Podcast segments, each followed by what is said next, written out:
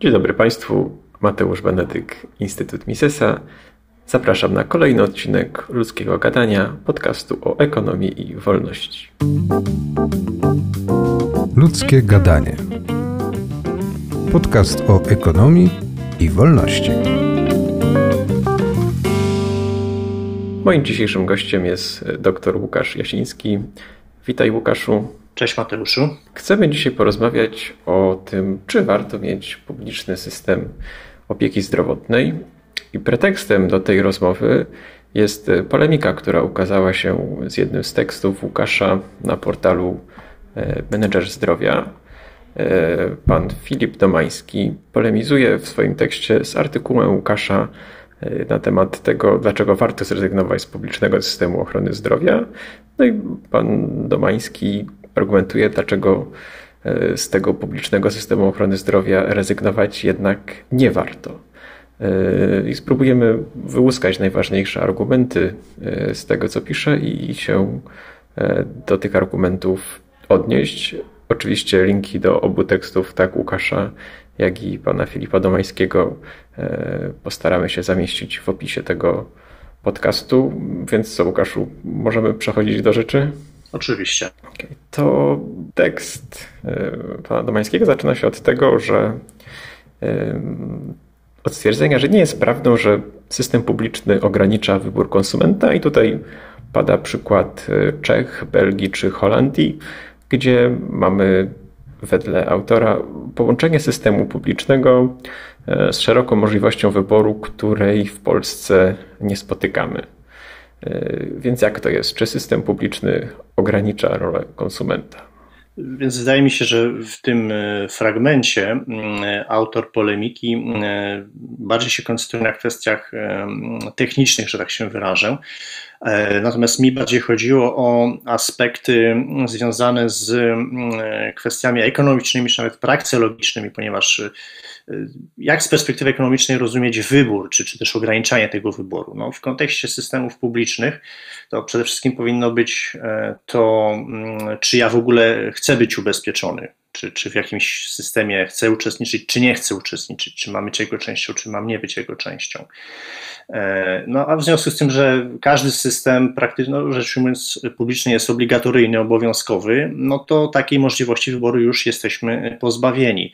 E, co więcej, e, Wiele systemów dodatkowo jeszcze ten wybór ogranicza poprzez różnego rodzaju regulacje które wpływają na to, do jakiego lekarza, a jakiego lekarza a, mam lub dostęp lub nie mam dostępu. I wydaje mi się, że e, pan Filip podaje przykłady krajów, które e, jego zdaniem ten wybór dają w takim sensie, że możemy sobie wybrać dostawcę, czy jakąś instytucję, czy, czy lekarza, e, więc jego zdaniem to jest wybór, ale, ale z drugiej strony, znowu kontynuując ten wątek bardziej ekonomiczny, mm, w warunkach rynkowych y, nie mamy regulowania dostawców, czyli decyduje konsument i dostawcy y, czy potencjalni dostawcy, przedsiębiorcy konkurują o tego konsumenta. Wtedy mówimy o wyborze z prawdziwego zdarzenia. Natomiast w warunkach systemów publicznych wybór jest bardzo ograniczony tak naprawdę i tu nawet nie chodzi tylko o to, że one są wszystkie obowiązkowe i nie da się w nich nie uczestniczyć tylko że zawsze będą e, różnego rodzaju odgórne regulacje determinowały e, e, mm, tworzenie się czy rozwijanie siatki dostawców. Czyli jakby możemy powiedzieć, że każdy system publiczny, zarówno przez obowiązek w nim uczestniczenia, lub przynajmniej oczywiście finansowania takiego systemu, jak i przez to, że stwarza w ogóle jakikolwiek system regulacji, które decydują o tym, jakie świadczenia są na przykład refundowane i tak dalej, już silnie ingeruje, że tak powiem, w strukturę produkcji opieki medycznej, jak i sprawia, że wybór jest ograniczony względem jakiejś kontrfaktycznej sytuacji, gdyby takiego systemu nie było. Tak? Jakby Dobrze rozumiem to, co mówisz? Tak, znaczy nie ma ingerencji w systemie rynkowym, nie ma ingerencji w, w strukturę finansowania tego systemu, w rynek dostawców, czyli każdy może spróbować konkurować na takim rynku, ale ostateczna decyzja należy do konsumenta. Konsument oczywiście nie musi wiedzieć wszystkiego e, i wiadomo, że w warunkach gospodarki rynkowej przy, przy podziale pracy i specjalizacji e, nie, nie da się tego osiągnąć, ale ma także jak, jak najbardziej prawo do skorzystania z usług różnych podmiotów czy pośredników, które by mu doradziły w takim wyborze, więc ostateczna decyzja zależy od konsumenta i tak naprawdę formowanie się całego systemu cen i całego, całej struktury finansowania dostępu do, do świadczeń medycznych. Czy to miały być płatności bezpośrednie, czy, czy abonamenty medyczne, ubezpieczenia, rola, rola mm, e, instytucji charytatywnych. To, to wszystko jest pokłosie e, ostatecznie decyzji, decyzji konsumenta i nikt w to nie. Wtedy, wtedy w takim systemie konsument ma wybór. To, to rozumiem przez wybór. Okej, okay, a jednocześnie też tutaj w tekście jest zauważone, że urynkowienie nie oznacza zatem zawsze nieograniczonego wyboru. I podaję tutaj przykład Stanów Zjednoczonych, gdzie pewne programy ubezpieczeniowe przewidują możliwość korzystania tylko z ograniczonej puli e, lekarzy bądź szpitali, etc. Y, tak, znaczy na początku trzeba tutaj zaznaczyć, że ja nie twierdzę, że de facto zasoby w systemie rynkowym są nieograniczone, czy fundusze są nieograniczone, bo, bo są ograniczone, tylko że dzięki procesom rynkowym możemy zwiększać produkcję tam, gdzie jest większe zapotrzebowanie konsumenta. Natomiast systemy publiczne, które sztucznie pobudzają popyt i sztucznie ograniczają podaż tak naprawdę, powodują, że często te fundusze się szybciej kończą i, i podmioty publiczne, czy, czy placówki publiczne jak szpitale i tak dalej, mają mają, mają problemy z zapewnieniem e, e, wystarczającej ilości świadczeń dla, dla tylu chętnych, co skutkuje różnego rodzaju mm, reglamentacją, to co na przykład teraz widzimy w Polsce. E, natomiast w kontekście Stanów Zjednoczonych tego przykładu, który podałeś, tam też znaczy, autor polemiki pisze, często wskazuje na fakt, że no USA to jest taki przykład, gdzie ten rynek dominuje, ale to jest nieprawda z różnych względów. E, natomiast te programy, e, oczywiście według statystyk, no można powiedzieć, że teoretycznie co drugi Amerykanin posiada prywatne ubezpieczenie zdrowotne, tylko że to prywatne ubezpieczenie, ten rynek prywatnych ubezpieczeń zdrowotnych w Stanach Zjednoczonych, nawet jeszcze przed reformą Obamacare, e, podlegał tak wielu silnym regulacjom, że w zasadzie, jak napisał jeden z ekonomistów amerykańskich, sprzedawanie prawdziwych ubezpieczeń w USA jest de facto nielegalne.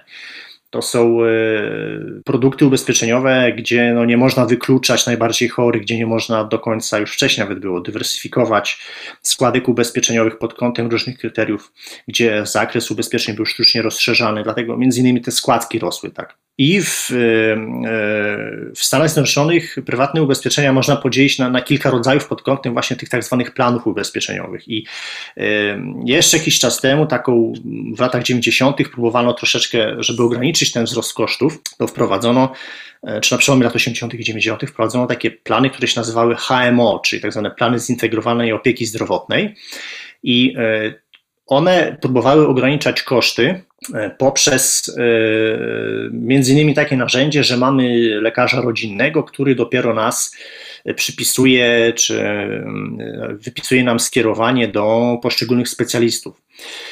No i oczywiście część, czy, czy większa lub mniejsza ubezpieczonych zaczęła na to narzekać, bo oni chcieli mieć właśnie a propos wyboru, większy wybór, więc wprowadzono modyfikacje i zaczęły się pojawiać plany, które się nazywają e, planami preferowanego dostawcy, czyli tak zwane PPO, Preferred Provider Organization.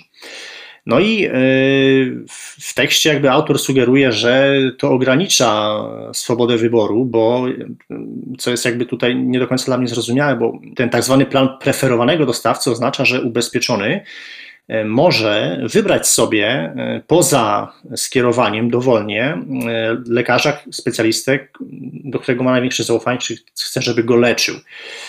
Oczywiście w tych planach one są trochę droższe i jest też wyższy poziom współpłacenia, ale są to plany jak najbardziej dobrowolne i tutaj ten wybór jest jak najbardziej widoczny, więc to jest jakby argument za tym, że no, ten wybór nie jest ograniczany, tylko on jest eskalowany właśnie i to są najpopularniejsze plany. Według danych Kaiser Family Foundation ponad 50% Amerykanów, którzy posiadali takie ubezpieczenie zawierane przez pracodawcę, wybierało tego typu plany właśnie. Natomiast plany, które mają bardziej ograniczony wybór, no, są, są po prostu w mniejszości.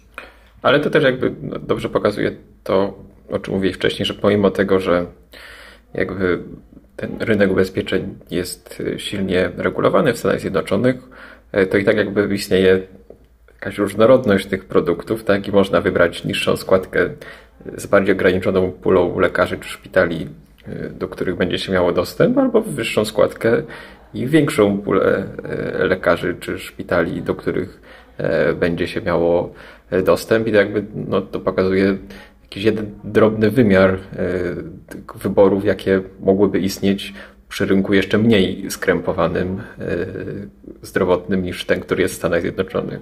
Znaczy tak, zgadza się, masz rację, bo prawda jest taka, że jeżeli e, rynek podlega różnego rodzaju interwencjom, to to jest jakby jedna strona medalu, ale z drugiej strony też jest pewne pole manewru i to nie jest tak, że prywatne ubezpieczenia zdrowotne w Stanach są złe i w ogóle wszyscy na nie Amerykanie narzekają. Amerykanie bardzo lubią te produkty i mają do nich duże zaufanie i to też różne badania i statystyki pokazują. E, samych e, programów, e, takich różnych typów tych planów zdrowotnych można wyróżnić cztery, tak? Oprócz tych dwóch, o których powiedzieliśmy. Te dwa pozostałe są też do pewnego stopnia wybierane.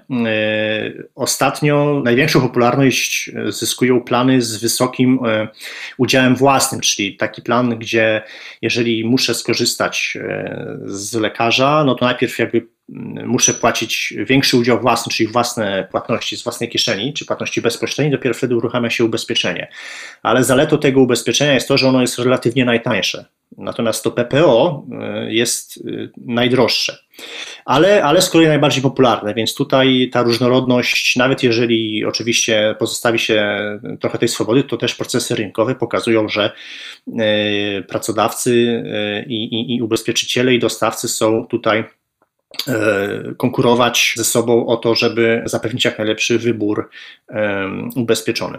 No i jeszcze tutaj na początku pojawia się wątek, o którym zdaje się osobny artykuł też napisałeś e, na Mises.pl, jak i też część swojego doktoratu temu poświęciłeś, mianowicie problemu asymetrii informacji. Tutaj autor wskazuje, że lekarz wie więcej o medycynie niż my i, i po prostu to lekarz czasami ma decydować Y, o, o naszej ścieżce leczenia, a nie my. Dlatego też ten całkowity wybór nie jest wcale taki pożądany w systemie zdrowotnym. Zgadza się. Argument, że, że rynki kreują, czy, czy mamy asymetrię informacji na rynkach, w związku z tym no, lepiej polegać na lekarzu e, publicznym niż prywatnym, bo inaczej jakby konsument w jakiś sposób mógłby sobie zaszkodzić albo mógłby zostać wprowadzony w błąd przez, przez kogoś nieuczciwego. E, no i to jest e, według mnie chyba najbardziej powszechny argument z tych tak zwanych zawodności rynku w kontekście problematyki ochrony zdrowia w ogóle. Myślę, że to bardziej jest jest rozpowszechniony niż, niż kwestia powstawania monopoli czy, czy opieki zdrowotnej jako dobra publicznego. E, ale, ale tam problem polega na tym, że też, też autor się odwołuje jako, niejako do dorobku ekonomii klasycznej, ale, ale ekonomiści klasyczni nie twierdzili, że asymetria informacji w ogóle jest problemem, tak samo jak Austriacy.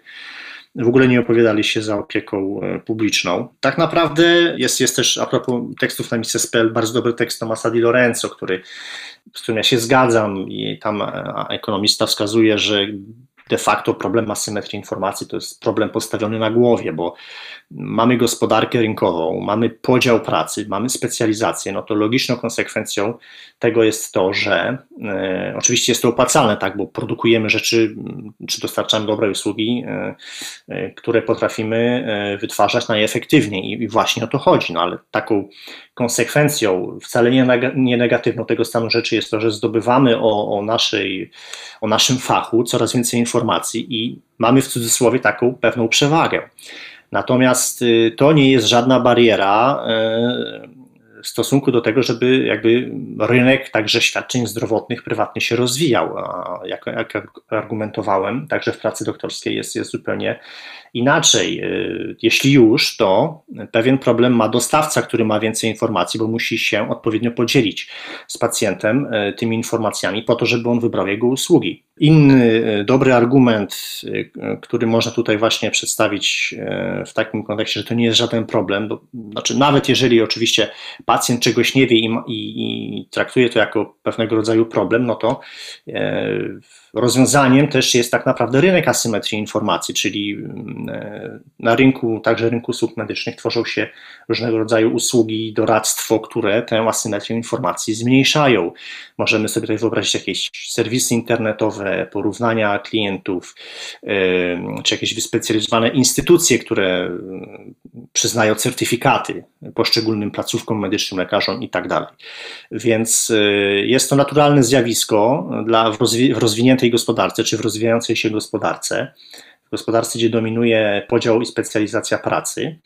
I, i, nie jest to żadna mm, bariera. Zresztą, y, nawet jeżeli możemy sobie wyobrazić taką sytuację, że ktoś jest przez kogoś oszukany, i, y, czy, czy jakby produkt odbiega od, y, od oczekiwań, no to rynki szybko wykorzystują takie, jeśli jakiś przedsiębiorca popełnia błąd, no to jest zastępowany przez efektywniejszych E, konkurentów, sprawniejszych konkurentów, e, także w kontekście ochrony zdrowia, zwłaszcza, że jak autor wskazuje, e, z czym ja się zgadzam, że my, od tego zależy nasze zdrowie i życie, to my jesteśmy szczególnie wyczuleni na tego typu informacje, czy luki informacyjne, zwłaszcza kiedy płacimy własnymi pieniędzmi.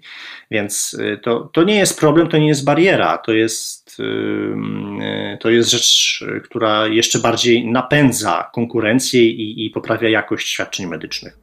Okay, myślę, że możemy przejść do drugiego punktu. Tutaj wydaje mi się, że był jakiś chyba problem ze zrozumieniem Twojego wywodu, bo, bo Ty pisałeś, że tak samo jak system publiczny ogranicza swobodę konsumentów, tak ogranicza też swobodę producentów i dostawców y, usług medycznych. A tutaj pan Domański wskazuje, no, że przecież w systemie prywatnym producenci też są ograniczeni, bo budżety klientów y, nie są z gumy i też jakby no nie mogą wszystkiego zaoferować, co by chcieli, jakby o co tutaj chodziło. Mhm. Znaczy, mi chodzi o takie ograniczenie pod kątem regulacyjnym, że y, przedsiębiorca, który, y, czy dostawca prywatnych świadczeń medycznych, y, bez względu na to, czy mówimy o finalnym dostawcy, czy, czy producencie sprzętu medycznego i tak dalej, oczywiście działa w obliczu ograniczonych zasobów, więc tutaj każdy zawsze będzie ograniczony. Tak samo popyt konsumenta nigdy też nie jest nieograniczony.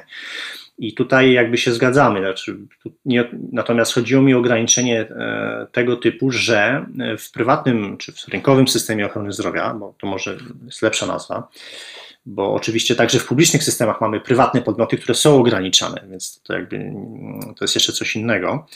Ale, ale wracając do, do, do sedna sprawy, yy, chodziło mi o to, że nikt z góry odgórnie nie narzuca. Yy, żadnych regulacji, wymogów kapitałowych, e, wymogów związanych z wymogów technicznych, jak na przykład mamy w Stanach Zjednoczonych, gdzie, na rynku leków, e, gdzie, gdzie przedsiębiorstwa farmaceutyczne muszą spełnić szereg wymogów i to do końca nie są pewne, czy dany lek zostanie ostatecznie za, zatwierdzony przez FDA a kiedy już jest zatwierdzony, to kosztuje niebotyczne pieniądze, e, więc e, tak, nie ma no, takich... Nie każdy tak. może szpital założyć, nie w każdym tak. miejscu Zgadza się, czy tak zwane CON, czyli certyfikaty potrzeby, tak? Czyli musisz udowodnić, że ten szpital jest potrzebny i wtedy dostajesz zielone światło od władz stanowych, żeby założyć szpital prywatny na przykład. Tak, albo że lekarze sami nie mogą w niektórych stanach chyba nawet zakładać, tak? Tylko muszą właśnie przez jakieś organizacje non-profit, czy, czy, czy jakieś takie różne dziwne konstrukcje muszą być tworzone. Że jakby... Tak, w poszczególnych stanach to też jest złożona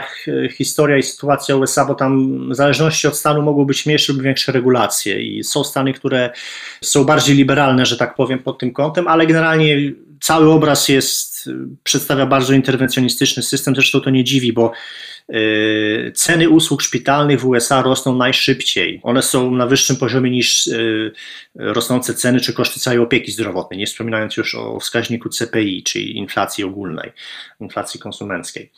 Y, ale to się bierze z tych silnych regulacji, z ograniczeń podażowych.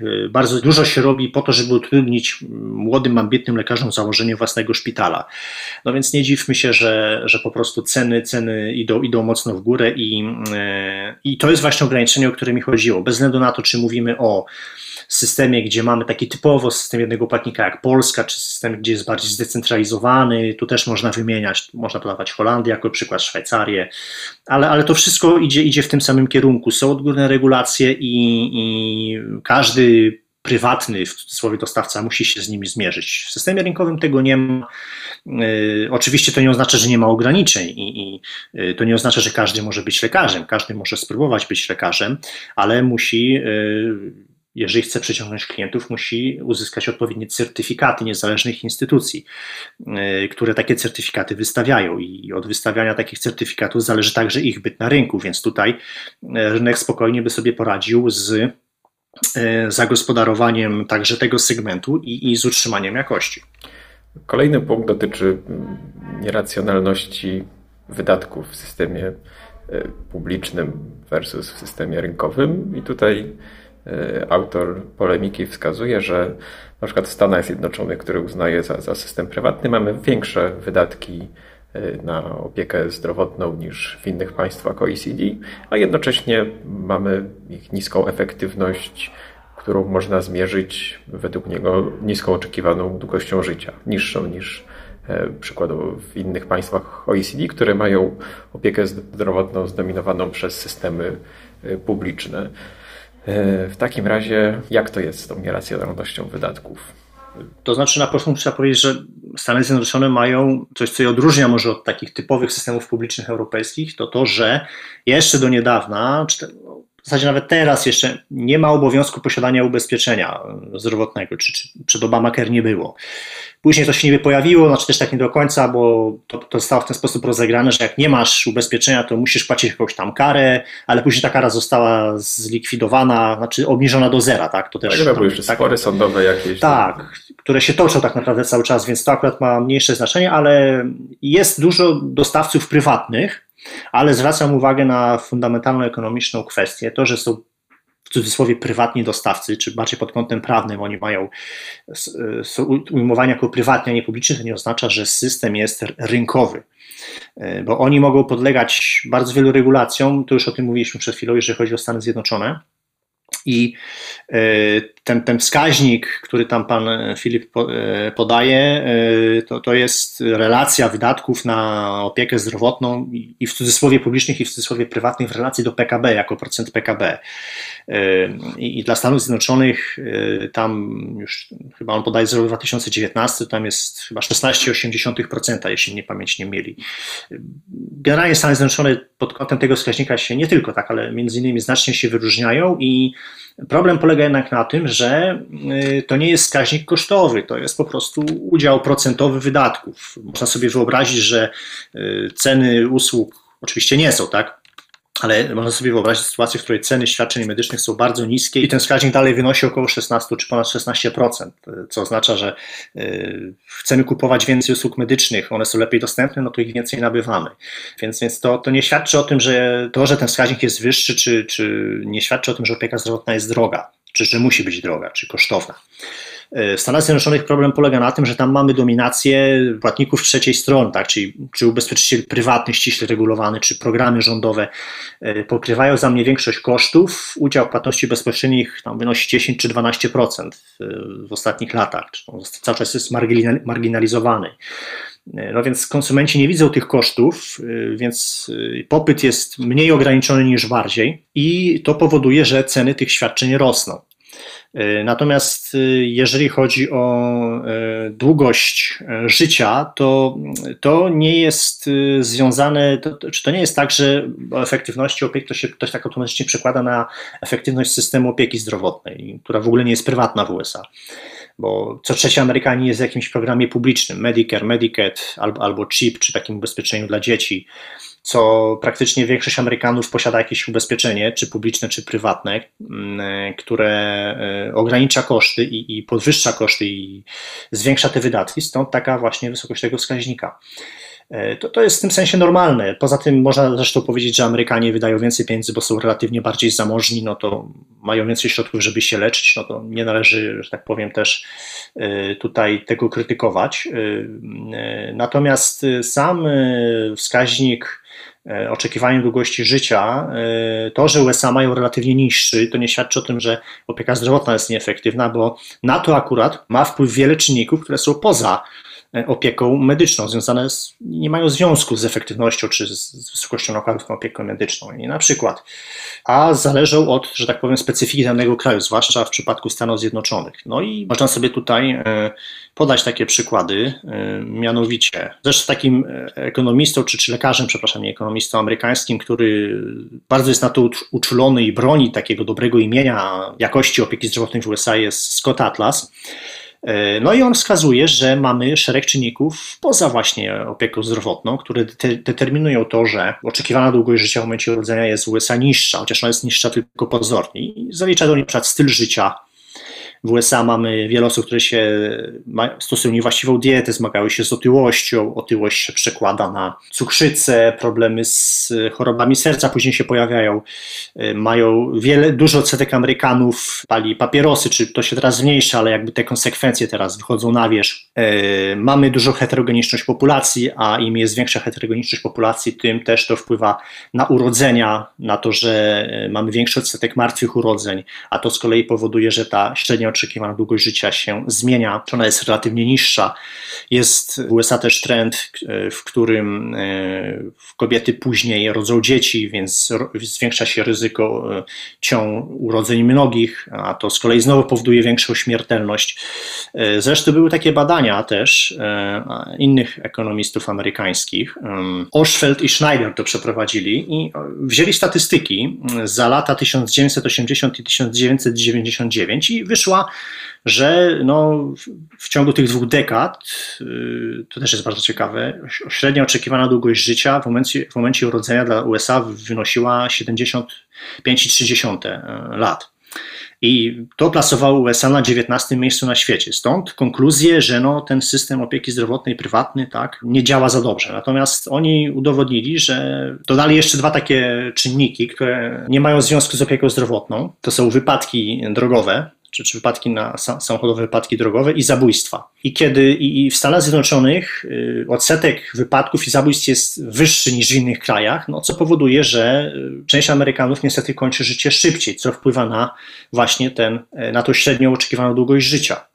I kiedy oni wyeliminowali ten czyn, te dwa czynniki, no to się okazało, że mm, USA osiągnęły wynik 76,9 lat i były na pierwszym miejscu, jeśli chodzi o oczekiwaną długość życia.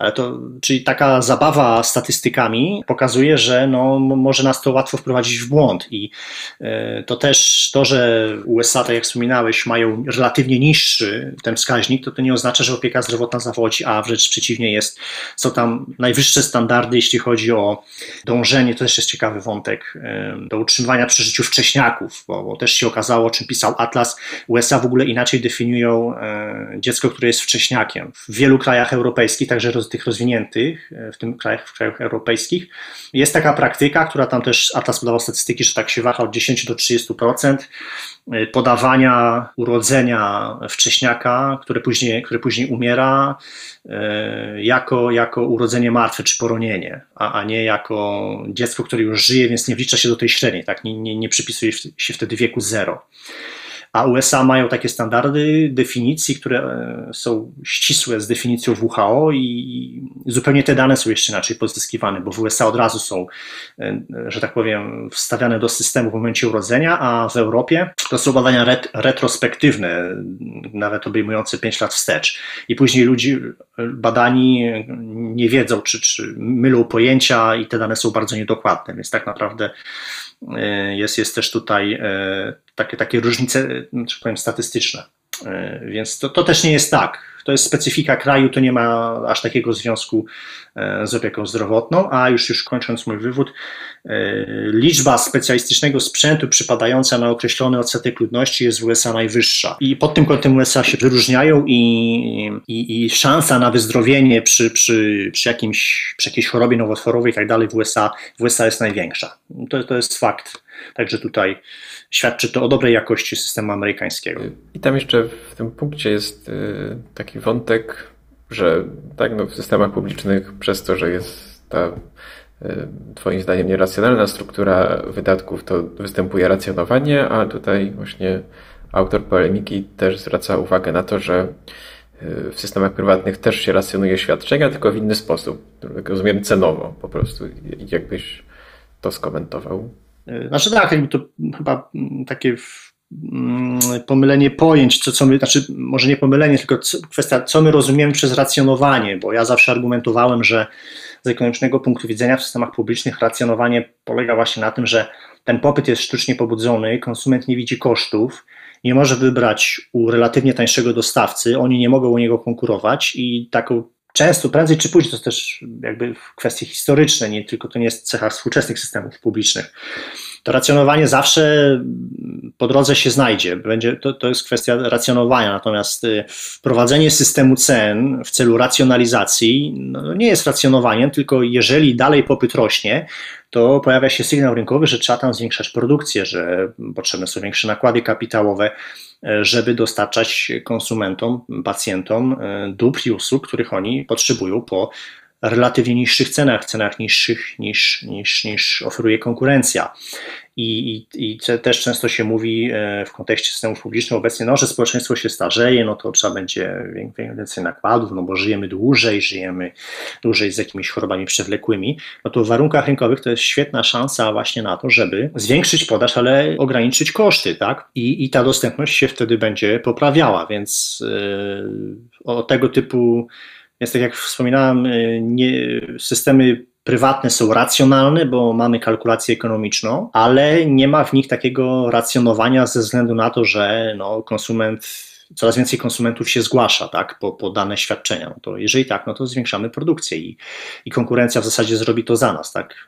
I te procesy prowadzą do tego, że że ta dostępność się poprawia, co, co widzimy w różnych elementach systemów publicznych, znaczy nie, nie w publicznych, tylko w takich, które zostały, tam gdzie zostały pozostawione takie elementy prywatne. W Polsce możemy też e, o, o tym pisałem, jako przykład podać rynek stomatologii, gdzie w Polsce 3 czwarte środków w ogóle się wydaje na, na leczenie prywatne.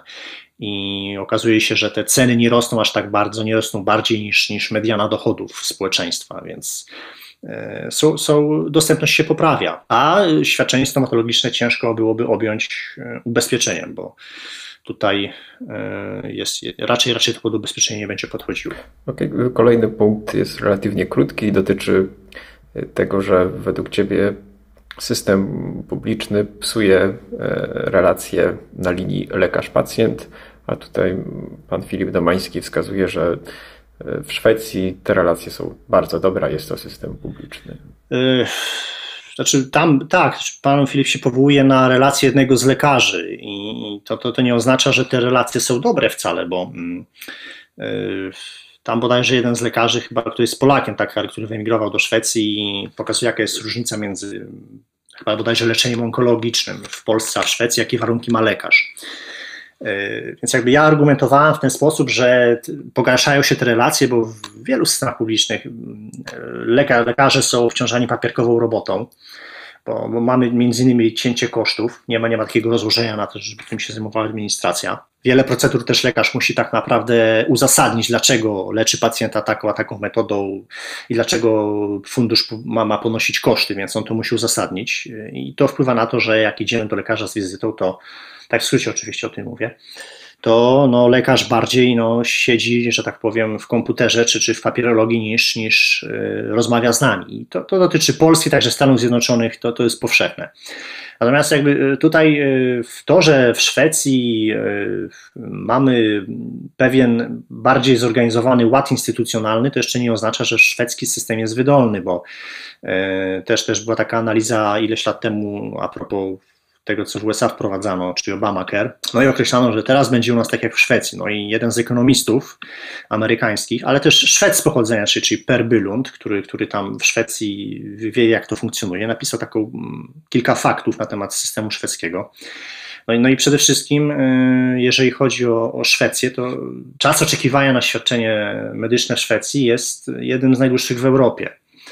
Jest ranking, e, który ocenia europejskie systemy ochrony zdrowia, czyli Euro, tak zwany Euro Health Consumer Index i Szwecja ma tam takie same wyniki jak Polska, jeżeli chodzi o dostępność do świadczeń medycznych. Czyli bardzo słabo wypada Szwecja. Czyli pomimo tego, że Szwecja wydaje tak sobie jeszcze zerknę, na przykład w 2018 roku na, na, na opiekę zdrowotną 11% KB, gdzie średnia dla krajów OECD to jest 8,8%, czyli więcej, no to nie może sobie poradzić z podstawową rzeczą, jaką jest zapewnienie opieki zdrowotnej na czas. I mm, wielu Szwedów, i Bylund o tym pisał, cierpi z tego powodu. Dlatego w Szwecji między innymi się rozwijają chociażby prywatne ubezpieczenia zdrowotne. Co najmniej kilkanaście procent społeczeństwa już ma takie ubezpieczenia i one odciążają system publiczny.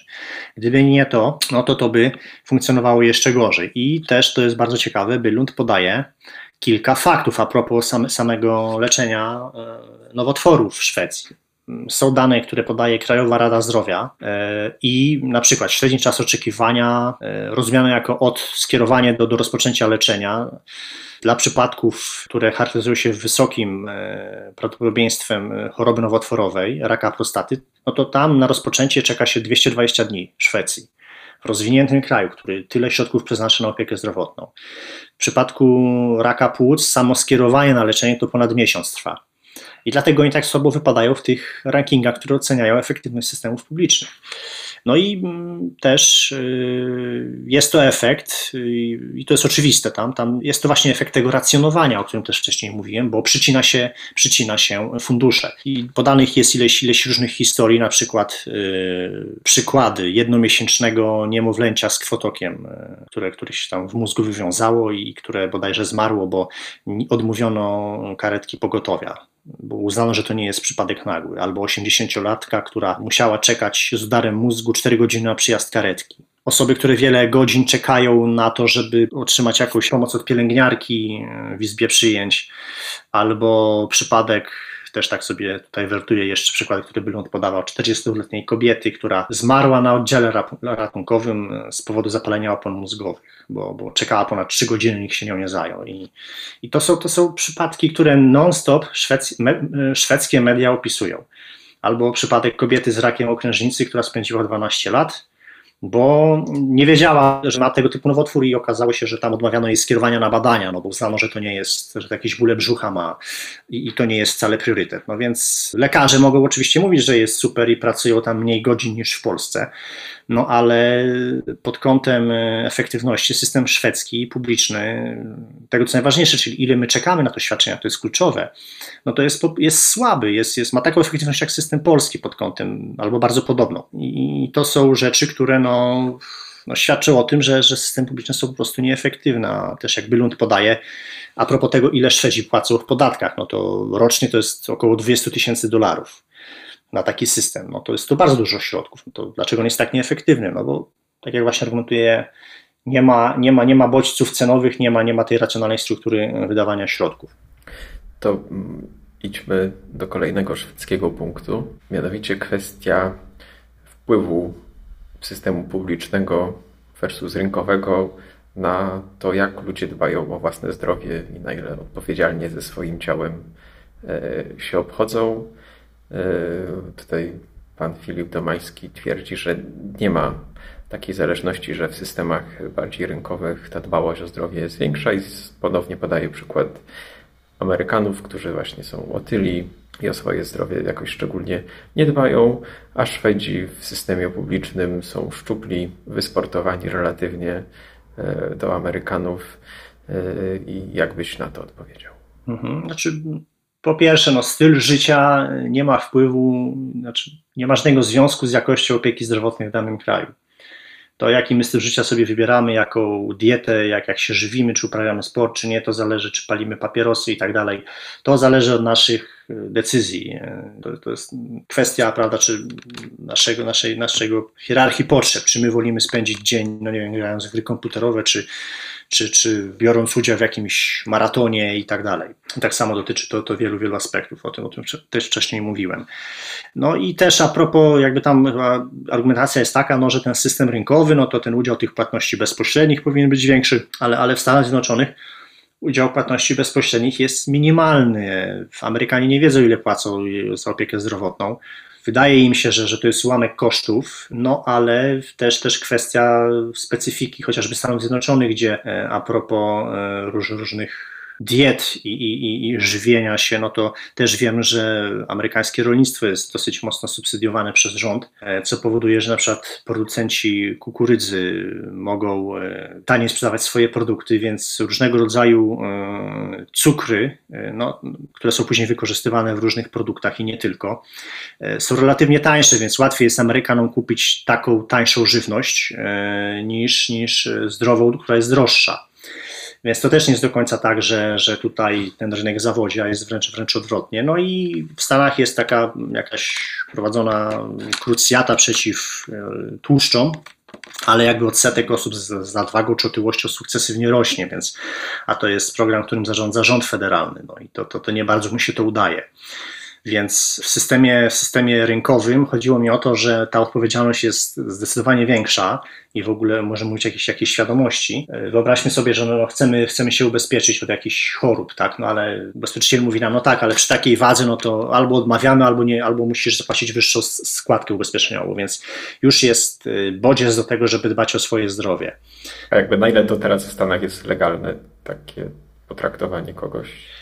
Y, to znaczy, to teraz jest problematyczne, bo znaczy pojawia, były takie y, ubezpieczyciele testowali takie różnego, różnego rodzaju programy, że i one, i one dalej są y, tak naprawdę. To znaczy, że jeżeli no, uczestniczysz w jakimś programie sportowym, to masz jakąś zniżkę albo, albo masz lepsze warunki ubezpieczenia, to występuje tylko to wszystko jest tak naprawdę zaburzane przez różnego rodzaju ustawodawstwo, czy to z poziomu federalnego, czy ze stanowego, które mówi, że no, prywatny ubezpieczyciel musi przyjąć wszystkich chętnych do ubezpieczenia. W zakresie ubezpieczenia musi być to, to, to i to. E, czyli ten zakres musi być większy, tak? szerszy, czyli ubezpieczenie będzie droższe. Więc, więc to powoduje, że no, jednak te takie bodźce są no, yy, trudniejsze do wyłapania ich jest po prostu mniej, więc, więc nie dziwmy się, że Amerykanie, Amerykanie będą mieli mniej bodźców po prostu do tego. E, ale, ale to nie dlatego, że system, jeszcze, jeszcze, jeszcze raz to powtórzę, to, że system amerykański jest rynkowy, tylko że on jest mocno interwencjonistyczny, on jest publiczno-interwencjonistyczny tak naprawdę. Więc jeżeli pan Filip krytykuje styl życia Amerykanów, to on tak naprawdę krytykuje system publiczny, czy, czy rozwiązania rządowe, a nie rozwiązania rynkowe. A ty, Mateusz Machaj kiedyś mówił, że weganie płacą niższe stawki ubezpieczeniowe w Stanach. Nie wiem, czy się z tym spotkałeś. Znaczy też mi, też, też widziałem y, różnego rodzaju, tak, są takie już to chyba na początku lat 90. się pojawiały pierwsze takie plany y, zdrowotne, które były oparte na różnego rodzaju diety. Jeżeli stosujesz jakąś dietę, no to jest więcej warzyw, no to ubezpieczycielom chodziło o to. To jest powszechne y, i to jest wprowadzone i to ma jakiś wpływ, tylko że ten wpływ jest przykrywany tymi regulacjami, o których mówiłem. Natomiast chodzi tutaj o to, że zdrowsza dieta eliminuje na przykład y, ryzyko chorób serca, co, co dla ubezpieczyciela jest korzystne w ten sposób, że no prawdopodobieństwo sfinansowania drugiego zabiegu na sercu wtedy maleje, tak więc maleje twoja stawka zdrowotna, e, czy ona jest, jest niższa. I to występuje, tak, tak, to jest. I, I, różnego rodzaju takie plany motywacyjne istnieją w tego typu rozwiązaniach. No tylko co chwila to ustawodawstwo rządowe, które mówi, że i tak wszyscy macie mieć tutaj prawo do, do, do świadczeń medycznych, no podmywa niejako te, te wysiłki prywatne. Na, na tym polega problem.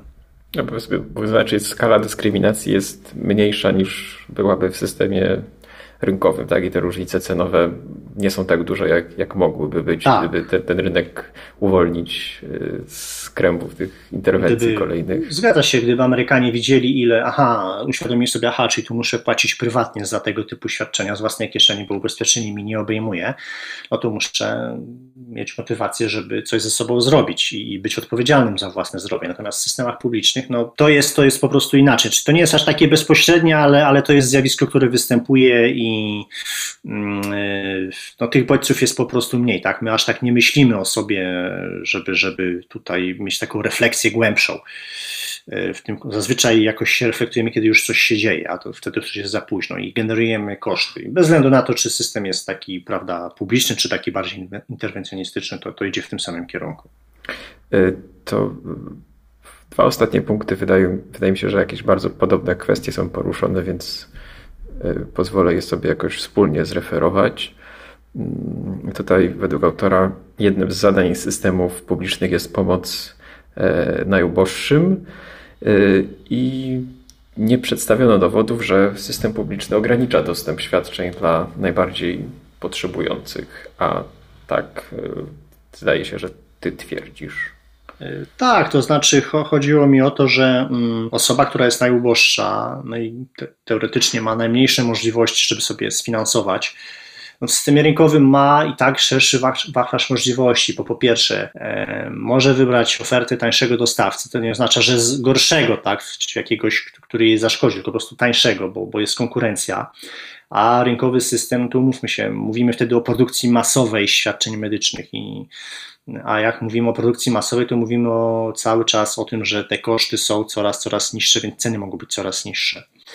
E, to jest jakby pierwszy argument, a drugi jest taki, że w systemie rynkowym mamy rozpowszechnioną sieć instytucji charytatywnych, które e, bardzo efektywnie są, byłyby w stanie e, pomóc takim, takim osobom. I też nie powinno dziwić, że akurat w USA wiele takich instytucji jest bardzo dobrze rozwiniętych. Amerykanie mają taką kulturę pomagania, ale to też wynika z tego, że no, stać ich na to, że jednak relatywnie jest to gospodarka rynkowa i mówię tutaj o, całej gospodarce, nie, nie o ochronie zdrowia. I stąd ten rozrost tych instytucji charytatywnych, które przejmują rolę e, instytucji publicznych. I, i, wtedy, ale tworzą, nie muszą być komercyjne, e, nie muszą, prawda, tutaj osiągać zysków, E, czy, czy, czy akcjonariuszy, którym, którym, przesy, którym wysyłają zyski, ale dalej mogą bazować oczywiście na, na cenach, na kalkulacji e, kosztów i, i pozyskiwać takie składki. To jest rozpowszechnione, więc sytuacja takiej osoby jest o wiele lepsza e, w takim systemie. Od poważnych chorób może się ubezpieczyć. Poza tym procesy rynkowe też jednak, i to było także widoczne już w XIX wieku, kiedy one się tworzyły, te rynkowe systemy, powstawały tak zwane stowarzyszenia braterskie, e, które działały troszeczkę jak dzisiejsze abonamenty medyczne, że płaciło się składkę za cały rok i miało się dostęp do lekarza i, dbano o to, żeby nie było pokusy nadużycia, ale kiedy zachodziła potrzeba, no to też, też nie było problemu i to się bardzo dobrze rozwijało, dopóki państwo nie, nie, weszło, nie weszło w ten obszar. Natomiast w systemie publicznym, bez względu na to, ile kraj środków wydaje, no to musisz się ustawić w kolejkę. Kolejki, które są bardzo długie w Szwecji, w Kanadzie, w Wielkiej Brytanii, no, no, świadczy o tym, że, że jakby wielkość nakładów ma mniejsze znaczenie niż, niż system, tak, niż struktura finansowania, niż, niż ta struktura instytucjonalna. I tutaj, y, jeżeli wpadniesz w taki, w taki, w taki system, no to, no to nie ma szans tak, na to, żeby się z niego wydostać. I y, zwiększenie nakładów publicznych nie jest rozwiązaniem, tylko jest jakby skalowanie problemów tak naprawdę. Chociaż rozumiem, że dla, dla niektórych osób to się może wydawać kontrowersyjnym stwierdzeniem. I tu jeszcze mm, też pan Filip Domański zaznacza, y, że generalnie systemy publiczne w Unii Europejskiej bardzo się różnią. Jest jakby rozstrzał od tych ściśle publicznych z jednym płatnikiem do takich, które pozwalają na więcej elementów y, prywatnych i rynkowych, że nie można tak tego wrzucać do jednego worka i traktować, jakby był tylko jeden doskonały system prywatny i jeden zły system publiczny. To znaczy, ja, ja nie neguję faktu, że często też jakby w swoich pracach podkreślam, że systemy publiczne mogą się różnić po, no, w kwestii instytucjonalnej, tak? Mogą mieć różne rozwiązania, ale w sensie ekonomicznym tutaj chodzi o to samo, że gwarantujemy powszechny dostęp do opieki zdrowotnej, że odsetek jakby współpłacenia jest relatywnie niewielki albo w ogóle go nie ma, że, ma, że pacjent ma mieć coś, co nazywamy prawem do, do, do opieki zdrowotnej, że rząd mówi o tym, jaki lekarz cię może leczyć, jaki nie może, bo on określa dostawców, kto może być, tak określa wszelkie standardy. Prawdą jest, że na przykład takie kraje jak e, no, Szwajcaria, Holandia, mogą w ramy swoich publicznych systemów zaimplementować prywatnych dostawców, czyli to mogą być podmioty prywatne, ale co innego podmiot prywatny, który działa na zasadach z góry określonych przez e, centralnego planistę, czyli to mam na myśli, kiedy mówię, że to jest system publiczny, a, a co innego, kiedy on ma swobodę działania. I oczywiście tutaj może być pewna różnorodność, ja tego nie neguję, natomiast to dalej jest system publiczny. Niekoniecznie musi być to taki system publiczny rozumiany jako system jednego płatnika, jak, jak jest na przykład w Polsce, ale te zasady, jeżeli dalej ustala państwo, no to to, to nie zmienia jakby natury rzeczy, tak? To nie zmienia tego, że no nie ma tej suwerenności konsumenta i tak dalej, i tak dalej. Więc e, systemy publiczne się między sobą mogą różnić, oczywiście, natomiast zasady działania są dokładnie takie same i ich efekty są de facto dokładnie takie same. Czy, czy, czy zmierzają w tym samym kierunku.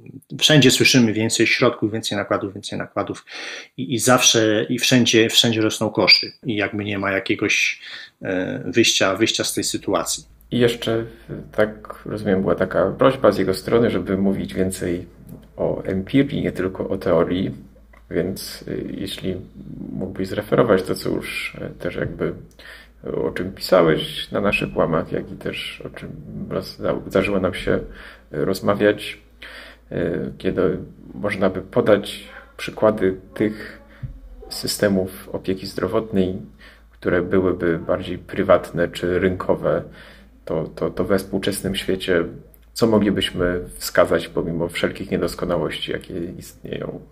Na pewno moglibyśmy pokazać jakieś elementy w poszczególnych krajach, także w Polsce, o opiece stomatologicznej mówiłem. W Polsce mamy też rynek prywatnych ubezpieczeń zdrowotnych, który się dobrze rozwija, rynek abonamentów i one między sobą fajnie konkurują. W Szwecji jest bardzo podobnie, bo też Bylund o tym pisał. Rozwijają się prywatne ubezpieczenia zdrowotne. Co ciekawe, pierwszymi konsumentami prywatnych ubezpieczeń zdrowotnych w Szwecji byli politycy, którzy widzieli te wszystkie wady systemu, który tworzą, i to, to, to, jest, to jest fakt, więc to, to też mówiliśmy jakiś czas temu o rozwiązaniach, które są stosowane w Singapurze, gdzie dominuje jednak mm, takie nastawienie, żeby tworzyć konta medyczne, z których sobie sami pacjenci finansują to, co ich interesuje i tam mają pewną dowolność, chociaż oczywiście to dalej jest system publiczny, ale tam jest ta właśnie a propos tej swobody to jest dobry przykład, gdzie, gdzie ona, ona ma, wypływa na szersze wody, ta swoboda konsumenta, e, względna swoboda oczywiście. Także system Korei Południowej, który ma w miarę sprywatyzowane szpitalnictwo. Tak, można powiedzieć, że to są systemy publiczne, ale relatywnie e, najmniej konsekwentnie prowadzone i przez to mają relatywnie najmniej tych złych konsekwencji systemu. Tak, znaczy one aż tak nie ingerują, do, implementują w swoje ramy instytucje prywatne i określają niejako te ramy, to jest prawda, ale jakby ten zakres tej interwencji nie jest aż tak duży czy intensywny, jak to ma miejsce na przykład w krajach europejskich. I, to już pokazuje, że relatywnie sobie te systemy lepiej radzą y, z różnymi wyzwaniami y, że tak powiem i na pewno mają mniej problemów niż więcej. Więc, więc tutaj także Stany Zjednoczone można na przykład podać przykład, y, y, no jeśli nie tych, tych regulowanych ubezpieczeń prywatnych, których mówiliśmy na początku, że jednak są w stanie prawda, pewną dywersyfikację w planach zdrowotnych wprowadzić, czy też te takie plany związane ze stylem życia, no to na przykład rynek chirurgii kosmetycznej świetnie działa w USA. Tam się płaci za to, tego się nie da wrzucić w ubezpieczenie, czyli płacimy z własnej kieszeni. No i się okazało, że koszty rosną wolniej niż, niż, cała, niż koszty opieki medycznej w USA. E, czyli, bo pacjent płaci z własnej kieszeni, lekarze mogą łatwo się przekwalifikować na taką specjalizację, więc podaż, podaży lekarzy nie brakuje, specjalistów nie brakuje. No i e, liczba usług świadczonych się zwiększa, a koszty są trzymane na niskim poziomie i to są dostępne. A, a jakość od czasów Michaela Jacksona jednak rośnie? Jest, tak, też rośnie, bo oni stosują no, coraz bardziej zaawansowaną aparaturę medyczną. No i też taki przykład, o którym pisałem, czyli prywatny szpital, e, który już no, nie, nie świadczy usług chirurgii kosmetycznej, tylko w cudzysłowie zwyczajne tak, takie usługi, różnego rodzaju operacje, czyli Surgery Center w Oklahoma, którym zarządza dr Keith Smith, jest jego też jednym z założycieli, no i tam przyjmują tylko płatności bezpośrednie, a e, koszty są e, jak najbardziej pokrywane przez płatności bezpośrednie pacjentów, którzy nie mogą sfinansować, czy nie mogą jakby doczekać się na, na tego typu usługi poprzez swoje prywatne ubezpieczenia, co ciekawe. I mają też są takie historie, że muszą zapłacić najpierw więcej z własnej kieszeni w programie ubezpieczeniowym, niż za całą operację z własnej kieszeni, które, które świadczy Surgery Center w Oklahoma. No więc wystarczy dopuścić więcej takich podmiotów i, i koszty zaczną spadać, i ceny zaczną spadać, i opieka zdrowotna w każdym kraju będzie, będzie bardziej dostępna, ale, ale trzeba to urynkowić. To musi być rynkowy system, a przez rynkowy system uważam system wolny od interwencji rządowych, po prostu. Więc e, nie chodzi tylko o to, żeby występowały podmioty prywatne, ale żeby one nie były regulowane e, przez. Więc mamy takie wyspy tego rynkowego, rynkowej opieki zdrowotnej, ale no, nie ma żadnego kraju, w którym opieka zdrowotna byłaby w pełni rynkowa, niestety. Dobrze to ująłeś. Mamy takie wyspy, poszczególne rynki, poszczególne przypadki, gdzie albo nie ma żadnych regulacji, czy może prawie żadnych, albo jest ich relatywnie mniej. Też taki dobry przykład, na przykład ubezpieczyciele prywatni w Polsce mają o wiele więcej swobody niż prywatni ubezpieczyciele w Szwajcarii. Prywatni ubezpieczyciele w Szwajcarii mogą oferować prywatne plany zdrowotne poza tym, co oferuje, of, mogą oferować w ramach systemu publicznego. Znaczy, przepraszam, nie mogą, tak? Czyli, czyli jeśli coś jest w ramach systemu publicznego, no to i tworzysz takie jeszcze dodatkowe prywatne ubezpieczenie, to ono nie może zawierać w zakresie tego, co już jest, tak? Tego, co podlega regulacjom. Ale też czytałem taką analizę, że prywatni ubezpieczyciele w Szwajcarii się trochę, tak w pozytywnym tego słowa znaczeniu, wycwanili i jak jest jakiś, jakaś kosztowna grupa klientów, no to tam potrafią no, utrudniać w pewnym sensie dostęp do tego typu produktów i czyli jakoś y, dawać do zrozumienia, że, że nie chcemy pana w tym ubezpieczeniu, tak? Oczywiście w tym ubezpieczeniu publicznym, tak? które oni chcą, niby mają dostarczać, tak? Próbują no, ciąć koszty. Y, no i widzimy, że też Szwajcaria się wyróżnia tym, że te, te, te nakłady jako procent PKB na, na opiekę zdrowotną są bardzo wysokie. Y, praktycznie są chyba na drugim miejscu, czy na trzecim są w czubie, pomijając Stany Zjednoczone. No ale też tam te, koszty rosną najszybciej, tak? Ta dynamika wzrostu kosztów i to, to właśnie między innymi wynika z tego, że bardzo, bardzo są regulowani o dziwo, tak? A Szwajcarię kojarzymy z takim w miarę liberalnym podejściem do, do gospodarki, no ale opieka zdrowotna jest takim wyjątkiem i, i, i już tak nie chcę przedłużać, y, to jest taka ciekawostka, właśnie te prywatne plany zdrowotne w Szwajcarii, które są oferowane poza systemem publicznym, nie mogą zawierać tego zakresu, co jest w systemie publicznym a w Polsce mogą. Czyli jak mam problem z dostępem do, nie wiem, do ortopedy w systemie publicznym i tak dalej, to sobie y, mogę wybrać między prywatnym ubezpieczycielem albo, albo siecią medyczną oferującą abonament i też nie muszę ponosić kosztów bezpośrednich. Więc rynek wcale nie musi się opierać na płatnościach bezpośrednich, one, one nie muszą aż tak dominować. Rynek pokazuje zdywersyfikowaną strukturę i, i to są takie wyspy, o których właśnie mówisz. I w Polsce na szczęście mamy ich, ich nawet trochę więcej niż mogłoby się wydawać, więc nie mamy takich złych warunków wyjściowych do, do całkowitego zliberalizowania czy całego systemu. I trzeba o tym mówić, trzeba to promować.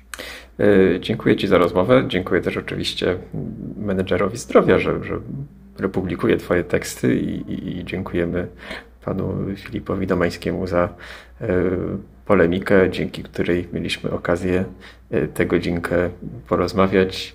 E, wszystkich Państwa zachęcam do tego, żeby subskrybować e, nasz kanał na YouTube albo śledzić nas na wszelkich innych platformach podcastowych.